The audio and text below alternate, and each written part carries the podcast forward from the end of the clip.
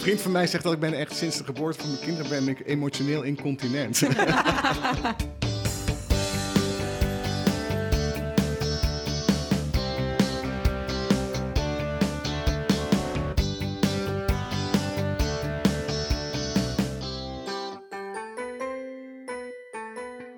Welkom bij een heel bijzondere aflevering van jouw zwangerschapsweek, week 29.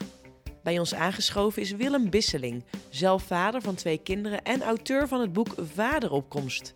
Want ja, als er een baby wordt geboren, betekent dat eigenlijk ook de geboorte van een moeder en in veel gevallen een vader.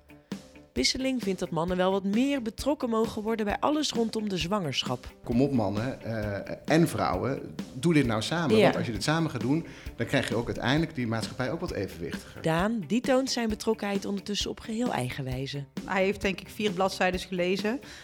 Ook dat was denk ik too much voor hem. Nou Diede, gelukkig kan Daan altijd te raden gaan bij onze sponsor, Nutritia voor jou. Want als je tegen vragen aanloopt over zwangerschap of over je baby, dan vind je op internet talloze meningen en standaard antwoorden die misschien helemaal niet aansluiten. Het mooie is dat eh, Nutritia voor jou je persoonlijk kan helpen. Je vindt daar de informatie die bij je past en ze hebben zelfs een team van voedingsdeskundigen dat dag en nacht bereikbaar is. Klokje rond, zelfs om drie uur s'nachts. Ze helpen je meteen met al je vragen over voeding, kwaaltjes of de ontwikkeling van je baby tijdens de zwangerschap en daarna. Je kunt ze altijd bellen of appen. Neem daarom een kijkje op nutritiavoorjou.nl. Dit was het sponsorbericht en nu snel op naar de podcast. Welkom eh, Willem. Dankjewel. Leuk dat je er bent. Wij zijn blij om een keer een man aan tafel te hebben, een partner aan tafel te, te hebben. Toch weer eens wat anders. Zeker, zeker. Ik vroeg me af, wat is de, voor jou de laatste keer geweest dat jij in een uh, verloskundepraktijk zat? Oh jeetje, Eh, dat moet eh, een paar dagen voor de geboorte van mijn tweede dochter zijn geweest. Dus dat was in juli 2020. Ja, en daarna nooit meer terug geweest. Nooit meer terug geweest. Tot de dag nog van vandaag. Tot de dag nog niet, gelukkig, nog niet. Niet de bedoeling. Voorlopig niet, nee. Hey, jij schreef het boek eh, Vaderopkomst. Ja. Waarom? Omdat ik vond dat er eh, behoorlijk weinig informatie voor mannen was. Ik, ik ervoer die zwangerschapswereld heel erg als een wereld voor vrouwen, waar de, en dat klinkt als heel slachtofferig, maar dat bedoel ik niet zo, maar waar de man eigenlijk niet echt een rol eh, kreeg toebedeeld. En dat heb ik altijd vreemd gevonden, omdat, zeg maar, ja, als ouders kies je er toch samen voor een kind te hebben. Het is niet de moeder krijgt een kind en de vader, ja, die, die hoort het TZT wel. En eh, er waren natuurlijk wel boekjes over. eh, je had, eh, er zijn verschillende boekjes, maar die vond ik allemaal zo, ja, zo flauw. En dan was die man was altijd een beetje zo'n zo, zo lullig Sukkeltje. sukkeltje wat er een beetje zo bij hing. En ik, dat- ik vond het ook nooit echt grappig of zo. En ik had ook gewoon best wel veel vragen tijdens dat hele proces van de, van de zwangerschap. Ja, ik, ik merkte dat er niet veel ruimte was om die echt goed te kunnen stellen als man. Na, na de, de geboorte van mijn eerste dochter ging ik heel vaak van die verhalen vertellen hoe ik, hoe ik dat ervaren heb aan vrienden. En die vonden het allemaal erg lollig. En toen, eh, Herkenden ze het ook? ja, zeker. Nee, iedereen herkende het. Ja. En toen dacht ik wel van, oh, misschien is het wel, wel, wel geest om dat gewoon eens een keer op te schrijven. En ik werk in het literaire vak, dus voor mij was het vrij makkelijk om met een uitgever in gesprek te raken. En toen ben ik dat gewoon gaan doen en dat, eh, nou, dat, eh, dat heeft me geen windeieren gelegd. Nee, vertel eens, slo- sloeg het aan? Ja, het loopt als een trein, nog steeds. Ja. Het is heel grappig, het begint een soort klassieker te worden. Dus elke, elke maand, dat hoorde ik laatst van de uitgeverij, wordt het gemiddelde aantal verkopen gaat een beetje omhoog. Dus dat Hm. betekent dat, dat men heeft het wel een beetje gevonden.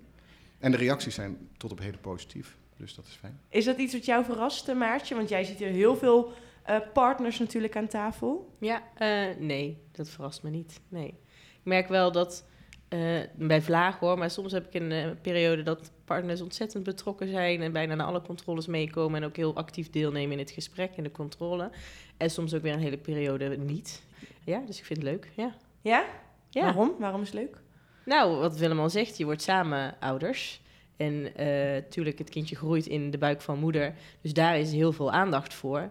Maar om het niet nog meer een ver van je bedshow te maken voor papa's, Ja. is het denk ik juist heel belangrijk dat ze al vanaf het begin eh, betrokken worden. En die eerste echo's, daar zie je partners ook wel bij. Maar dan ja, verwatert het weer een beetje zo. En dan richting die bevalling, dan is het weer een belangrijk moment om natuurlijk hè, over eh, een bevalplan of belinstructies te gaan hebben. En dan wordt er een beetje zo lacherig over gedaan van, oh, de vrouw kan niet meer bellen, dus bellen. Dus dan is de partner belangrijk om hè, te bellen. Maar die hele eh, weken, maanden daartussen, ja, vind ik als verloskundige ook belangrijk. Ik krijg wel eens de vraag, jij moet mijn partner mee, is het een belangrijke controle? Ik nou, hij moet niet mee, maar hij is altijd welkom. Dat Ja. is aan jullie. is elke controle toch belangrijk? Ja, Maar ja, to- toch even terugkomend. Diede, ik hoor zo heel graag hoe jij dit bekijkt. Want jij zit er heel tijd een beetje bij te lachen.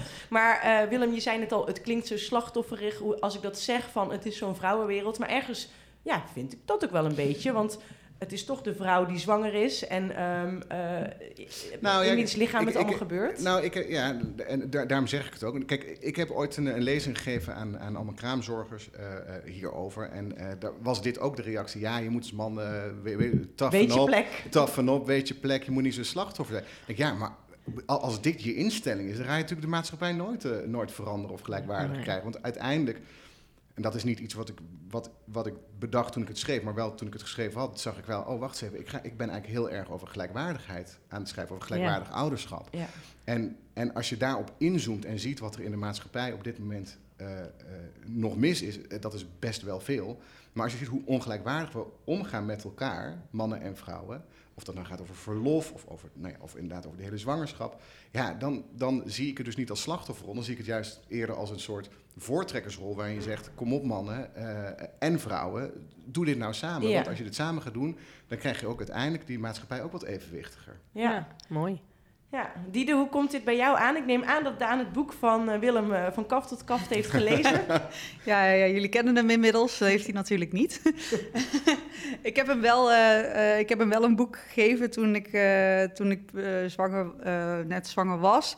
Die van Kluun. Eh, een redelijk stereotyperend boek. Zeker. eh, maar wel heel grappig. Ehm, hij heeft denk ik vier bladzijden gelezen.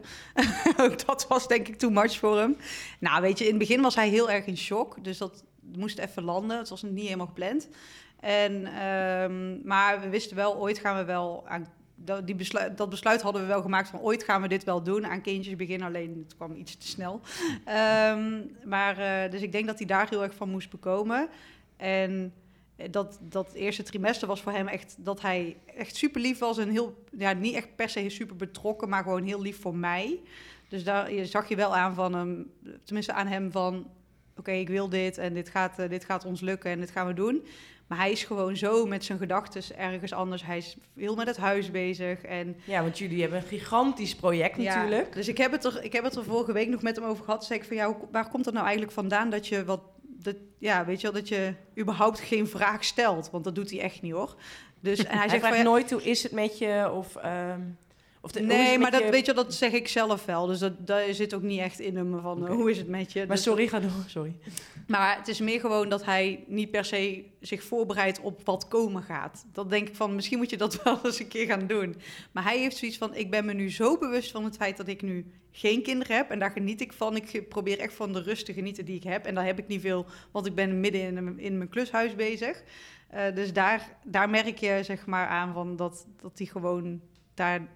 Ik denk dat dat misschien bij een volgende zwangerschap wel heel anders kan zijn. Maar hoe is dat voor jou? Hoe is dat dan voor jou om zwanger te zijn en eh, met je partner niet alle ins en outs daarvan te kunnen, kunnen delen? Nou, vind ik eigenlijk helemaal niet zo erg. Want ja, eh, hij hoeft het niet te weten. Ik hoef het eigenlijk ook niet per se alles te delen. Of tenminste, ja, wat moet ik, ja, wat moet ik nou? Ik deel gewoon alles wat ik wil delen. En hij ontvangt alles wat, eh, wat ik wil eh, delen, zeg maar. Dat doet hij wel hoor. Het is niet zo dat hij zijn oren dicht doet en eh, er doorheen gaat zingen. Oh, dat nog net niet. Wat aardig dat van hem. Ja, heel lief van hem. Lief. Maar soms staat hij er ook echt niet voor open hoor. Dan merk ik gewoon aan oh, hij is gewoon niet aan het luisteren. Maar goed, weet je, laat mij maar ventileren, dan is het ook goed. Nee, maar zo staan we ook een beetje, zo staan we ook een beetje in de relatie. Dus Ja, ja. zo, zijn, zo zijn we ook gewoon een beetje. Willem, is dit iets wat jij enigszins herkent? Nou, kijk, ik, ik, ik, kijk, ik, ik zeg Bij al- jezelf of vrienden? Nou, nee, je hebt, eh, ja, zeker. Natuurlijk. Ik, ik ken ook wel mannen die zo zijn, of relaties die zo zijn. Kijk, het heeft ook met een levensinstelling te maken, inderdaad, voor je in een relatie staat. Dus Ja. ik, ik keur het ook helemaal niet af of goed of wat dan ook. Ik bedoel, dat moet iedereen vooral voor zichzelf weten. Ja. Ehm, ik merkte alleen bij mezelf heel erg dat ik, dat ik het prettig vond juist om heel erg betrokken te zijn. Ehm, eh, wij, kijk, wij waren ook, bij ons kwam, de, kwam het ook een beetje als een verrassing, moet ik zeggen. Wij waren nog maar een jaar bij elkaar, of ietsje langer. Oh ja. Eh, dus, dus het was niet helemaal gepland. Eh, ook niet helemaal ongepland. Maar, maar, maar nou ja, laten we zo zeggen, het was, we hadden niet verwacht dat het zo snel Ja, zou gaan. sneller dan verwacht. Ja, precies. de, de, de eerste reactie van mijn vriendin was ook echt... Oh. kut, ik ben zwanger. ik weet nog wel, ze had een, ze had een test gedaan. Eh, Want ze, was ook wel, ze, was, ze, was- ze gedroeg zich wat anders. En, en toen zei ik op een gegeven moment, nou, misschien moet je een test doen. Ja, het kan, hè. En ze had een test gedaan, maar die was eh, negatief. En toen... Maar zij Jullie zuipen. Ja, wij volledige, alle, alle wijn die we nog thuis hadden opengetrokken. Nee, dus, dus wij zijn... Toen, ik ben op een gegeven moment gewoon naar, eh, gaan werken, of naar kantoor gegaan. En toen zei ze, ik ga toch nog een test doen. En ze belde mij op kantoor. Toen dacht ik toch ook, ik moet even wel naar, een- naar een rustig plekje gaan. Want ja, Wie even- weet. Even weten wat ze te zeggen heeft. En toen zei ze dus inderdaad de fameuze woorden... Kut, ik ben dus zwanger. en toen, ik weet ook dat ik tegen haar zei... Goh, ik had toch een iets romantischer beeld van hoe we dit nieuws samen eh, eh, zouden beleven. Eh, dus het grap Ja, was dat eigenlijk dat... ik. Het, ik, bij mij moest ook wel ineens dacht, wow, wacht, wow, ja, Ja. Ik, dit wil ik wel en dit willen we wel, want we, we wisten ook wel dat we dit wilden, maar, maar dat het ook meteen kan, dat was niet helemaal wat we hadden eh, verwacht. Het is heel grappig, want hoe ik, hoe ik nu zeg maar in mijn boek schrijf en hoe ik toen was, is, dat zijn twee andere eh, Willems, denk ik wel. Omdat ik er wel achter ben gekomen tijdens het schrijven dat je, dat je het volgens mij meer samen kan doen en meer samen moet doen. Oh ja? Ja, ehm, ook wel omdat er wel echt niet echt werd aangemoedigd van je moet elke, elke afspraak mee. Maar ik ben, ik, ik ben natuurlijk die eerste keer meegegaan en de tweede keer was er geloof ik een echo, ben ik sowieso ook meegegaan. Dus ik denk dat ik de eerste keer wel zo goed eh, en kwaad als het kon wel gewoon mee ben gegaan. En Ja. ik, ik vond het ook, ik vond het dus ook echt leuk en interessant. Ja. ja, mooi. Dus- ja, Daan gaat ook wel graag mee. Het is, eh, eh, hij kan niet altijd, want dan moet hij werken of dan zit ik op een andere dag en dan, eh, dan is hij er gewoon niet. Maar wanneer hij er is, dan probeert hij wel mee te gaan. Ja. Dat is een beetje de. Ja, maar, Dat, maar ik, dat kan me ook. Ik bedoel, ook als je niet per se de hele dag eh, eh, da- van alles over wil horen, wat ik me Ja. ook goed, goed kan voorstellen. Het is ook best wel lastig, hè? Want je, Ja, waarom Je- is... Vertel eens. Nou, omdat ja. je vrouw is zwanger en die voelt van alles. En het, Uh-huh. je, je- het, het is ook wel zo dat je zo weinig in die zin kan doen. Ja. Eh, Ja. Het enige wat je kan zeggen, al, hè, bijvoorbeeld als ze dan harde buik hebben, van joh, ga zitten, neem rust. Ja. Dat, dat soort dingen wel. Dus Ja, Je kan als man bijna alleen maar pragmatische, praktische dingen doen. Dat is natuurlijk wat jouw man eigenlijk ook doet. Want hij, zit een huis, Ja. hij is een huis aan het verbouwen, dus dat is natuurlijk eigenlijk ook wel voorbereiding. ja eigenlijk, goed. eigenlijk is hij daar heel erg mee bezig. Hij moet dit af hebben, hij moet dit voor mij zo goed mogelijk. Hij, hij zegt ook: Ik doe dit alleen maar voor jou en, en de baby. Oeh, bijna Oh, nou ja, als, je het hebt, als je het hebt over nesteldrang, dan is dit wel... eh, Ja, Daan, Ja, Daan vertoont, ook XXL. wel, eh, Ja, ja, Daan ja, vertoont op zich ook wel nesteldrang. Maar het is ook echt noodzakelijk kwaad, want ik heb letterlijk geen slaapkamer en geen badkamer. Dus op zich ja. is het ook echt gewoon een must. Maar, eh, maar inderdaad, hij, daar ervaart hij ook echt superveel stress van natuurlijk. Ja. Hè? Ja. Want hij moet en werken en dit en dat. Maar eh, ja, dus ik merk wel dat hij in die zin heel erg ermee bezig is. En wat ik, wat ik heel vaak doe, is ik leg gewoon zijn hand op mijn buik als zij wakker is. Want als ze wakker is, dan, eh, dan weten we het allemaal. Dan, dan komt ze er nog net niet uit, zeg maar, zo hard als, eh, zo hard als ze beweegt. Dus, eh, dus dan leg ik gewoon zijn hand op mijn buik. En dan zie je ook gewoon bij hem dat hij weer, dat hij weer, oh, dan denkt hij, oh ja, ik ben er weer even met haar, eh, even contact Even in maken. het nu. Ja. Even in het nu, ja. Mooi. Dus dat vindt hij wel heel leuk om te doen. Hoe, hoe was dat bij jou? Wa- wanneer had je het idee van, hé, hey, ik heb een beetje contact? Of dat je toch Oh. echt het gevoel had, hé, hey, er, er groeit echt mijn kind in. Ja, nou, de, de contact, eh, dat, dat vond ik dus best lastig. Eh, ook omdat ik dat gek genoeg heel gauw zweverig vind, terwijl dat helemaal niet per se zo is. Maar Oh ja? ja, je moet contact maken met je kind. Nou, ja. Ja, dat snap Ja, ik ja, wel hoor. Ik heb dat ook een beetje. Ik denk, ja, zij beweegt vindt. en ik leg mijn hand erop. Maar oh, ik weet nou niet of we nou echt contact hebben. Nee, Soms denk ik, oh, ze reageert erop, want ze wordt rustiger. Maar de andere keren wordt ze weer drukker. Als ik, dus ja, geen diepe Maar- filosofische discussies met je kind. Nee, ik wou zeggen, het, is wel contact maken hoor. Kinderen voelen dat wel. Tuurlijk. Ja. want we zijn Tuurlijk. natuurlijk allemaal eh, wezentjes die hè, het goed doen op sociaal contact. ja. Of dat nou aanraking is of oogcontact of nou ja, alle contactmogelijkheden die Of er zijn. geluid. Ja. Of geluid. Ja. Dus het is zeker wel contact maken. En, dat zit, en dat, eh, zeker ook, dat zie je heel leuk als hè, vaders al in de zwangerschap natuurlijk met het kindje gaan praten. Je ziet ook dat kinderen als ze eenmaal geboren worden... daar ook meteen op reageren en, en rustig van worden. Ja. Dus het is niet zo zweverig als dat het Nee, nee, maar, maar, zo, nee, maar ik,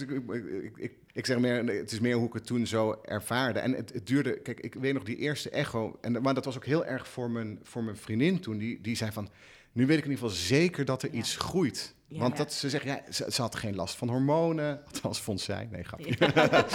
nee, ze had, echt geen, ze had echt niet zoveel last van die hormonen. Ze, ehm, eh, eh, ze, ze kreeg helemaal niet snel een buik. eh, dat duurde volgens mij tot week 24, dat je ook maar Iets iets, zag. eh, eh, zag Oh, ja. wel. Ja, en, ja, dan kun je het zeggen bij zwanger. Maar ja, je voelt niks, je- ziet niks. Dan is dat best wel... Abstract. abstract. Ja. Ja. En, en dat wordt natuurlijk wel meer. En ik vond dat ook heel mooi. Om, ik vind het dus, ik, ik vind echt ongeveer niets mooier dan een zwangere vrouw. Ik vind dat echt, eh, ik vind dat heel mooi om te zien. ja, dat eh, herken ik ook wel. Daan heeft dat ook. Die vindt dat echt het prachtigste wezen wat er is. Ja. Ja? Ja. Wat, wat leuk. Ja, die vindt dat echt, echt oprecht heel erg mooi. Zegt ook, ja, je bent gewoon helemaal vrouwelijk en eh, alles staat bol. dat is gewoon, dat is echt heel mooi om te zien. zijn ook mannen die het eh, onaantrekkelijk vinden of vrouwen die bang zijn dat hun partner het eh, onaantrekkelijk vindt. Ja, nou ja, vol- dan eh, volgens mij heeft ook dat met kan ik je hormonen... Daan aanraden. ja, om even Daan bellen. ja, precies. Ja, maar dat heeft toch ook met hormonen te maken? Want Dat, Ja. dat is toch ook wat, Ja. wat de, de vrouwelijke hormoonhuishouding is op, z'n- op kop, maar die van de man natuurlijk ook. Ja, Dus dat- die reageert daarop. ik heb een beetje onderzoek naar gedaan, even tussen aanhalingstekens. Maar ik, er is zoiets als het Couvade-syndroom. Hè? Dat, het, het, het syndroom waarin mannen letterlijk meezwangeren. Ja. En daar Ja. schijnen ook wel één op de drie, of zelfs twee op de drie mannen, weet ik even niet uit mijn hoofd, ehm, in meer of mindere mate last van te hebben. Oh. Dat kan ook zo extreem zijn dat je gewoon een. eh, eh, eh, er stond geloof ik laatst in NRC een heel stuk over. Je kan echt eh, postnatale depressie krijgen als man. Oh, wauw. Maar ook, dus, dus ook, ook de hoofdpijn, de misselijkheid, allemaal dat soort dingen. Ik geloof dat het ook te maken heeft met de afscheiding van de feromonen van de vrouw. eh, eh, dat in ieder geval voor zorgt dat het testosterongehalte van de man minder wordt. Ja, dus de man wordt zo- Zachter, zachter, ja. zorgzamer. Dus nou, dat, heeft is wel, ik wou eigenlijk zeggen, want ik merk wel aan Daan dat hij wel zachter is geworden in Ja. die, in die maanden. Dus dat is wel grappig dat je dat nou zo zegt, want dat herken ik wel. En dat had jij dus ook? Ik, ach man, ik werd een weekdier. Toen Oh ja? ach, ja, nee, dit is echt... eh, ja man. En zeker toen, eh, toen men mijn eerste geboren was. En dat is ook nooit meer veranderd. Nee, ik wou dat ook, was mijn volgende vraag. Eh, Een vriend van mij zegt dat ik ben echt sinds de geboorte van mijn kinderen ben ik emotioneel incontinent. Eh, maar dat is, Ja. Dat, ja, dat is wel zo. Ik, ik, werd wel, ja, ik werd wel veel zachter. Nou ben ik nooit echt heel erg eh, man-man geweest. eh, Zo'n masculien eh, man. Maar, maar ik, ik merkte gewoon wel dat, ik, dat dingen me meer aangrepen. Ik, ik, je hebt altijd een soort angst ineens ook. Dat er ook maar iets gebeurt. Of dat er iets kan gebeuren.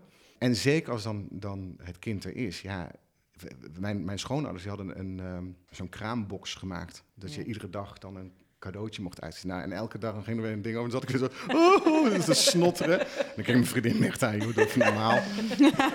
een, vriendin, een vriendin van ons is net bevallen. En die, eh, eh, die, had een, die, had een, die had een vreselijke zwangerschap. Echt, die was hormonaal. Echt, die, dat was echt, zij vond het zelf ook zo erg. En, dat ze echt niet zichzelf was. ja, ze was echt niet zichzelf. En, Oh. en, en nu is eh, haar dochter geboren. En ze is, ze, vanaf het moment dat het, de dochter geboren was en, en ze, nou, hè, ze was gezond. Hè, ze zei meteen, alles Ja. doet het. Nou, ze zei het, alsof alles, alles wegviel. Sneeuw voor de zon. Ja. Haar man daarentegen, die werd dus emotioneel incontinent. En toen zei zij, eh appte ze laatst naar mijn vriendin van... eh, ik hoop wel dat hij weer een beetje normaal wordt. Hij is al heel erg onmannelijk nu. Eh, dus ja, hormonen doen wel wat eh, Ja. met de man. Ja. Maar even terug naar waar we het net over hadden. Voor jou begon dat gevoel van... ja, je, dat contact maken vond je een beetje te spiritueel, maar wel naarmate de buik toch zichtbaar werd, zeg maar, en het allemaal wat concreter werd, kreeg je toen ook wel echt het gevoel, wauw, dat is mijn kind? Of bleef het de hele zwangerschap een beetje zo'n abstract iets van, ik moet het nog maar zien als het er dadelijk uitkomt? Nee, nee, ik had wel. eh, eh, Het gekke is, ik had wel meteen heel erg. Het, het, het is van ons samen. Het is, Ja. het is ook mijn kind. Dat had, heb ik eigenlijk altijd wel meteen gehad. En ehm, eh, toen die buik groeide, eh, ik bedoel, dat contact maken merkte ik ook wel. En ik vond het ook fijn om mijn hand op de buik te leggen. En ook te- eh, mooi om te zien hoe het, hoe het, hoe het eh, schopte. Het, zij, we wisten toen al. Hoe zij schopte. En dat soort dingen vond ik allemaal heel mooi. En, en bijzonder. Het, het gek was eigenlijk toen, toen ze geboren werd, het was best een, een heftige en zware bevalling, waar ik me ook echt wel zorgen maakte om mijn vriendin. Mm. Met name, want ja, die kende ik al. En, Ja. en mijn nieuwe huisgenoot nog niet. Nee. Eh, en, en toen was ze geboren en toen dacht ik... En toen vond ik het juist, toen had ik, vond ik het heel lastig. Ik, ik was heel blij en heel gelukkig en eh, ook weer super emotioneel. Maar, maar ik dacht helemaal niet van, oh, dat lijkt dat op mij of op, op haar. En wat is het groot? ik, vond het zo, ik vond het zo groot. Ik dacht dat de baby klein was, maar ik vond het Hoe gigantisch. groot was ze in godsnaam? Ja, 51 centimeter, helemaal niet zo groot. Maar, maar, gewoon, maar voor mijn gevoel Maar je was het... eh, herkende ook niet jezelf erin? Nee. nee. Nee, maar, maar volgens mij is dat ook... eh, andere mensen herkennen heel erg in Ja. de baby, met name de vader wordt altijd gezegd. Ja. Eh, maar jij zelf, ik zelf, ik zie het nog steeds eigenlijk niet. Terwijl mijn oudste is bijna vier. Ik herken dit heel erg. Ik herken mezelf helemaal niet in mijn kinderen. Bij mijn Grappig, dochter hè? denk ik zelfs, het is dat ze thuis is geboren. Maar anders zou ik denken dat ze verwisseld, Verwisseld, was. ja. Want wie is dit? Laten we het eens hebben over de rol van de eh, partner, nu eventjes de man, Mhm. bij de bevalling. Eh, want je vertelde, het was best wel een spannende eh, eh, bevalling. Ik weet niet, hoe, hoe heb jij je daartoe verhouden? Wa- Was je heel erg aanwezig of probeerde je een beetje juist op de achtergrond te managen dat haar belangen wel werden gediend? Of hoe? Ja, grappig, ja, ik ben niet zo'n goede manager, dus ik hoop niet dat ik dat, ik hoop niet dat, ik dat, ik hoop niet dat, ik dat heb gedaan.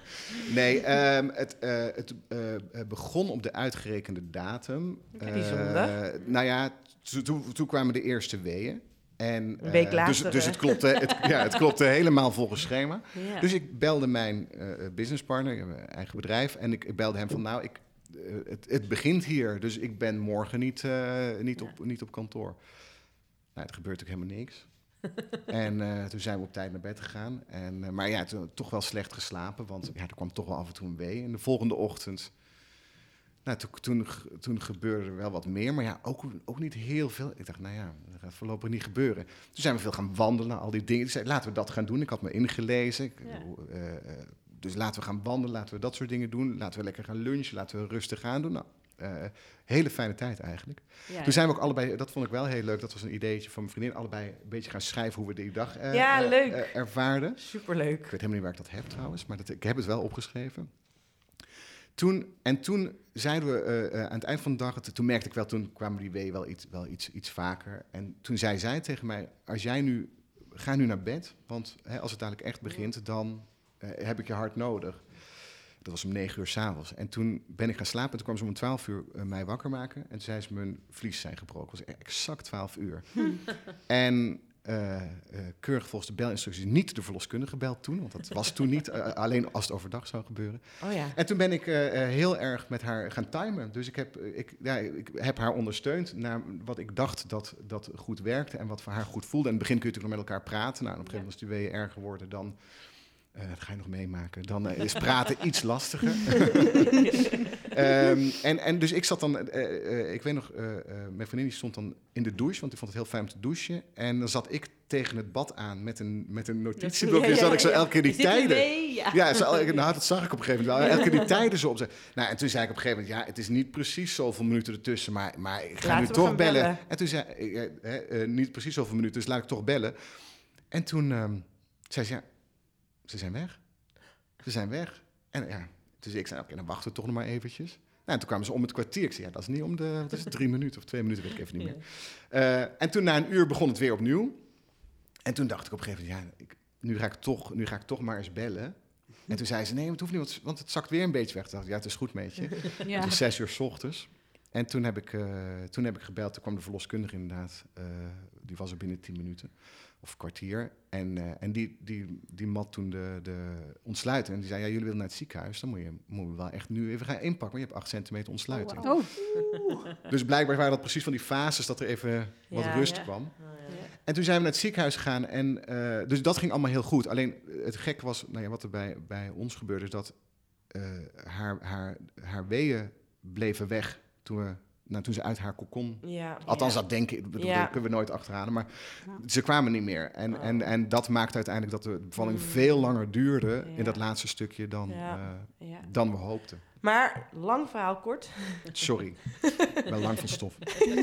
Nee, maar het is wel een goed verhaal. Het is ook uiteindelijk gelukkig goed gekomen. Ja. Maar ik kan me voorstellen dat dan juist in het ziekenhuis eh, het voor jou ook lastig was van... ehm, ja, hoe, hoe steun je je vrouw dan op zulke moeilijke momenten? Nou, ik had een, he- ik, wij hadden een hele fijne verloskundige die, die daar heel erg mij ook in eh begeleidde. Die ook Ja, zei ja. van, joh, eh, eh, je kan helpen met drukpunten, massage onder de voeten. eh, wil je anders even een doekje... Zijn, zijn maakte mij part of the team. En dat was heel fijn. Het was Ja. heel erg bezig. Ze heeft het echt fantastisch gedaan. Heel erg bezig was met mijn vriendin, maar ook tegelijkertijd me daar wel in, in, eh, eh, eh, mij in, in hielp. En het, het- idioot was. Ik had op dat moment 40 graden koorts. Ik was doodziek. Oh, nee. Dus ik stond daarnaast dat bed en ik voelde me ook echt helemaal niet goed. Maar ja, ik dacht, ja, ik denk niet dat ik nou degene ben die hier even moet gaan zitten zeiken dat hij zich niet zo lekker Jij voelt. zat net zo goed in een roesje. ja, Ja. ja, dus, dus het was dus en toen en ehm, eh, eh, maar toen duurde het allemaal heel lang, heel lang, heel lang. Dus ik heb de verloskundige ook helemaal niet meer weg zien gaan, geloof ik. Want ik dacht echt, ik moet, ik, ik moet even deze kamer uit toen, eh, toen de kleine geboren was.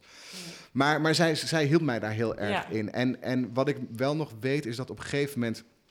De, nou, er kwamen geen persweeën. En toen, toen eh, eh, op een gegeven moment hoorde ik zoiets als. eh, nou, ik weet niet of er werd gezegd: dit gaat niet goed. Of we moeten de elkaar klaar. Maar nou, ze, nou, en toen zag ik een soort vuur in de ogen van mijn vriendin. eh, eh, en toen ben ik alleen maar bij gaan staan. En heb ik alleen maar nou ja, tegen de gepraat of woordjes tegen haar gezegd dat het goed zou komen. Ja, ook maar, ik zei maar, ja, het komt goed, je bent er bijna. Ja, wist ik veel. Ja. Ja. Ehm, en toen werd ze ook geboren. Dus Ja. ik heb later wel gevraagd, vond je, ja, ja, wat vond je deed van ik, mij? deed Ja, ik het een beetje aardig? Want eh Ja. vond ik, kan ik het anders doen?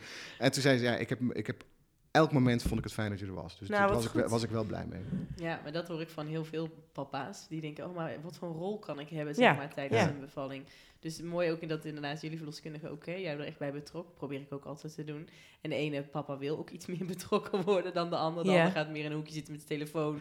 Echt? En, ja, Oh ja. die maak ik Oh. ook mee. En dan zeg ik, eh, wil jij misschien eventjes eh, een rietje pakken voor eh, een, een slokje water of iets? Ja. Ja, er zijn er ook wel die het allemaal gewoon te spannend vinden, denk ik, of zo. Ja, dat kan natuurlijk ook. Het is niet Ja. altijd Ja. desinteresse, denk nee, ik. nou, dat, nee, daar ga ik, nou, daar ga ik En- eigenlijk vanuit dat dat nooit zo is. Nee, nou ja, Nee, er, zullen, er zullen er ook zijn, er zullen er ook zijn die dat wel hebben. Ja. Nou ja, en wat je Ik denk dat. Daan dat ook gaat Ja, krijgen. vertel eens, wat zijn Ja, je verwachtingen ik- van Daan? Nou, ik denk dat Daan inderdaad niet weet wat hij moet doen. Mhm. Dus Ja. zeg het hem vooral, want hij wil het dolgraag. Maar ik denk wel dat hij zich op dat moment misschien soms overbodig voelt. Maar ik heb hem wel de hele tijd gezegd, jij wijkt gewoon niet van mijn zijde. Ik wil gewoon maar dat dat is- constant bij mij wat blijft. goed. Maar dat is eigenlijk En wat dat- vrouwen het meeste nodig hebben. Gewoon Ja. weten dat partner in de kamer is Ja. of in huis is. Voor mij hoeft hij echt eh, niet te hollen en te rennen en te doen. Want ik denk, dat doet, dat doet eh, Maartje wel voor mij.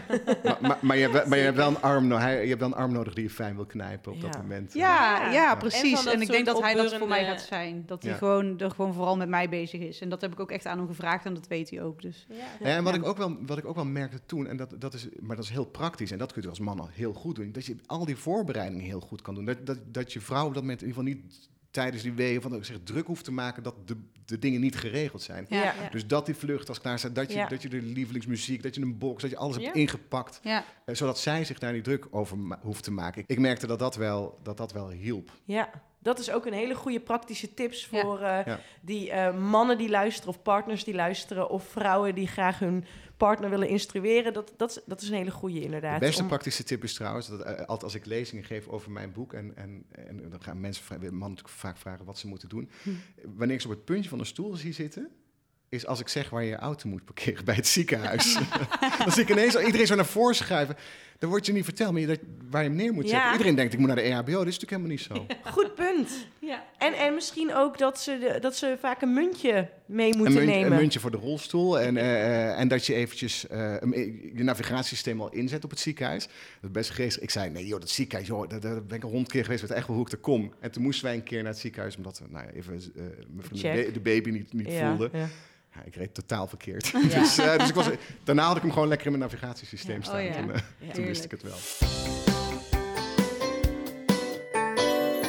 Je boek is er nu een tijdje. Ehm, het gaat nog steeds goed, zei je. Wat, wat, inderdaad, wat, wat pikken de mensen nou het meeste eruit op? Behalve inderdaad, eh, weet waar je moet parkeren bij het. Ja, nou, het boek is, is natuurlijk eigenlijk een heel erg praktische gids. Dus heel, er staan heel veel praktische dingen in die je gewoon kan doen en kan regelen. En die je kan verwachten. Dus het is gewoon informatievoorziening. En dat is wat volgens mij, tenminste dat is iets waar ik heel erg behoefte aan had als man. eh, eh, dat het op een vrij nuchtere, hopelijk soms wel grappige eh, manier van informatievoorziening is.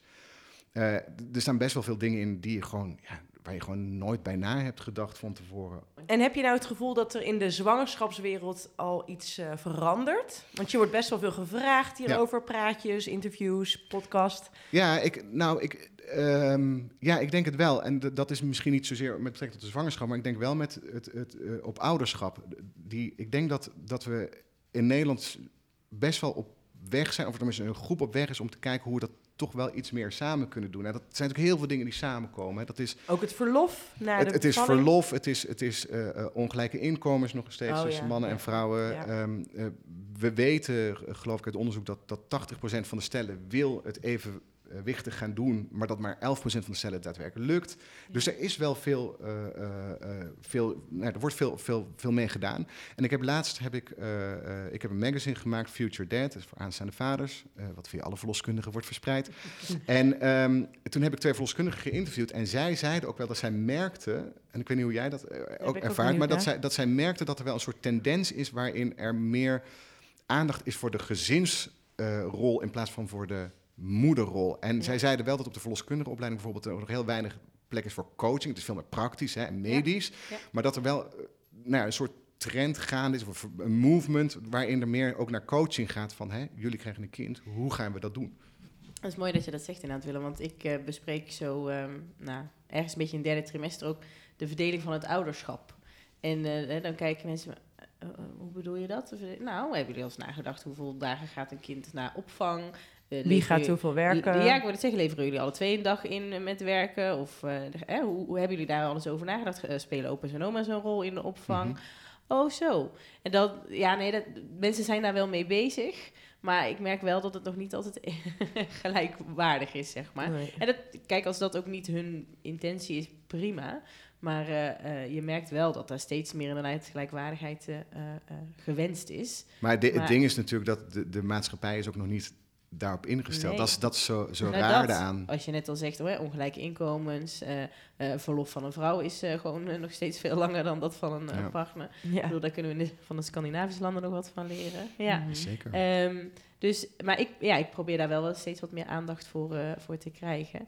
Maar ja, ook ik heb maar zoveel minuten voor een consult. Ja. Dus ja, ik moet je eerlijk bekennen dat het niet- ja, wel soms een beetje ondersneeuwt door alle andere belangrijke dingen die ik eh, vind dat ook besproken moeten worden. En, Ja. dat, en, dat, en dat is ook heel begrijpelijk. Dus nou, ik denk ook dat we gewoon maatscha- maatschappelijk gezien naar een ander systeem moeten. Maar dat gaat Ja. natuurlijk heel lang duren. Daar gaan we, dat is een andere podcast. Dat is een Ja. andere podcast. Ja. Dat is super relevant, Ja. maar inderdaad... eh, Daar heb je gelijk in. ja. ja, ja. Voordat ik op de zeepkist ga staan, weer. Ehm, afsluitende vraag. Moet ik even nu ter plekke bedenken. Die is voor jou natuurlijk. Oh. Ik wil, wil het zo ook nog eventjes hebben over hoe het met de baby is en zo hoor, in week 29. Oh ja. Doen we voor de zekerheid ook nog even kort. Waar is Roos? Die moet vertellen hoe groot de baby is in, eh, als het op fruit Inderdaad. Watermeloen onderhand. Ja, precies. Eh Diede, eh, je hebt dit nu allemaal eh, eh, gehoord. Eh, Mhm. misschien ga je het boek ook wel lezen, weet ik niet eigenlijk. Ben je Ja, misschien eh, wel. verslind je veel, eh, Liede? Boeken. Ja, ik heb wel een paar boeken thuis liggen. Ik moet zeggen dat ik ze, dat ik ze wel opensla en af en toe blader ik er wat doorheen. Maar ik heb er ook eigenlijk zo weinig tijd voor. Ik denk straks in mijn verlof ga ik dat allemaal doen. Ja, Maar nu ja. heb ik daar echt nul tijd Ja, voor. precies. Je verlof je tijd zat, joh. Ja, dat dacht ik ook. Maar als je dadelijk weer met eh, Daan aan de keukentafel zit, is er dan iets uit dit gesprek wat jij eh, meeneemt of wat je hem wil meegeven voor de komende eh, tijd en voor de bevalling? Voor zijn, wat betreft zijn rol? Mm, nee, ja, eigenlijk niet. Ik denk, maar dat komt ook omdat we het er best wel veel over hebben gehad. Van hoe staat hij erin en eh, hoe voelt het voor hem. En bij hem moet het denk ik gewoon allemaal nog steeds een beetje landen. Dus, ehm, dus nee, ik denk het niet. Ik denk wel dat ik het boek even ga aanprijzen. Want daar ben ik wel goed in. Ik, moet, ik wil altijd de boeken aanprijzen. Dus, eh, En er is ook een audioboek. Als er zin heeft om, om te lezen, kan hij hem ook luisteren. nou, hij, zit heel, veel- hij zit heel veel in de auto. Dus, eh, dus Oh, dat is misschien wel een goed idee. Hey Willem, dankjewel. Heb je zin om nog eventjes mee te luisteren naar hoe het eh, Zeker. met de baby gaat in week 29? Zeker. Yes, vandaag week 29. Haba. Baba. Baby is ongeveer zo, ja, eh, nu krijg je een beetje groeiverschillen. Dus zeg 1300, 1400 gram een beetje. En zo'n eh, 36 centimeter lang. Dus uh, nou, voorzien daar een leuke groente of fruit bij, zou ik zeggen. Gaan we aan Roos vragen. Een supergrote courgette. Ik zou even in de Future Dead kijken, daar staan ze allemaal in. Oh, ja. Alle, fruitjes. Alle fruitjes, heel goed. En ehm, ehm, misschien interessant weet je dat eh, het baby, de, ba- de baby gaat het onderhuidsvet een beetje eh, opsparen. Oftewel een, een vetlaagje aan eh, ehm, maken, aanleggen. Eh, zodat als hij geboren wordt natuurlijk wat reserves heeft. Want die borstvoeding, als je borstvoeding gaat geven, eh, is natuurlijk niet meteen volledig op voorraad. Het is echt een vraag- en aanbod eh, principe. Dus dan eh, heeft de baby in ieder geval vast wat eh, voorraad. En eh, 29 weken, dan eh, zit zeg maar de baarmoederhoogte, is misschien nog wel Ja, dat vind te ik- weten. ja. Ja. zit zo 1 vierde tussen navel en borstbeen tot 1 derde. Ja, Kijk, dus eh, ik denk nu dat alle vrouwen nu op bed op gaan liggen en dat gaan voelen. Ik kan je vertellen, toen ik zelf zwanger was, vond ik het heel lastig om dat bij mezelf te Ja. voelen. Omdat zodra je jezelf aanraakt, je toch die buikspieren die al wel een beetje aan de zijkant zitten, maar toch aanspant. Ja. En je toch minder makkelijk door kunt voelen dan als een nou ja, wild vreemde je buik eh, palpeert. Ja. ja. Dus dat. Bij mij kun je het ook best wel goed zien of zo. Ja, Als ik, als ja. ik echt op een bepaalde manier zit, dan denk ik, oh, hij komt echt, kan ik het gewoon zien. Dan denk ik, oh, dat komt tot hier. Ja. Ja. Echt een mooie ronde buik heb jij. Ja, ik heb echt een bolle, een bolle buik, maar ik ben heel klein, dus ja, en smal, dus alles moet naar voren. Naar voren, ja, ik heb ja. echt geen Ja. plek. Nee. Hey, ehm, bedankt. Ja. Jullie allemaal. Echt heel leuk dat je, eh, dat je erbij was. Ik vond het super interessant om eh, het eindelijk eens een keer hier vanuit een ander spe- perspectief te bekijken. Fijn dat ik dat kon doen. Dank jullie wel. Top. Doei, doei. Wat fijn dat je weer luisterde naar jouw zwangerschapsweek, de podcast van 24baby.nl. Volgende week, in week 30, bespreken we van alles. Onder andere het bezoekje van de kraamzorg aan Diedes Klushuis. Het was gewoon echt niet goed, dus eh, ik wilde het wel een beetje aan kant hebben, zodat er überhaupt iemand kon zitten. Tot dan!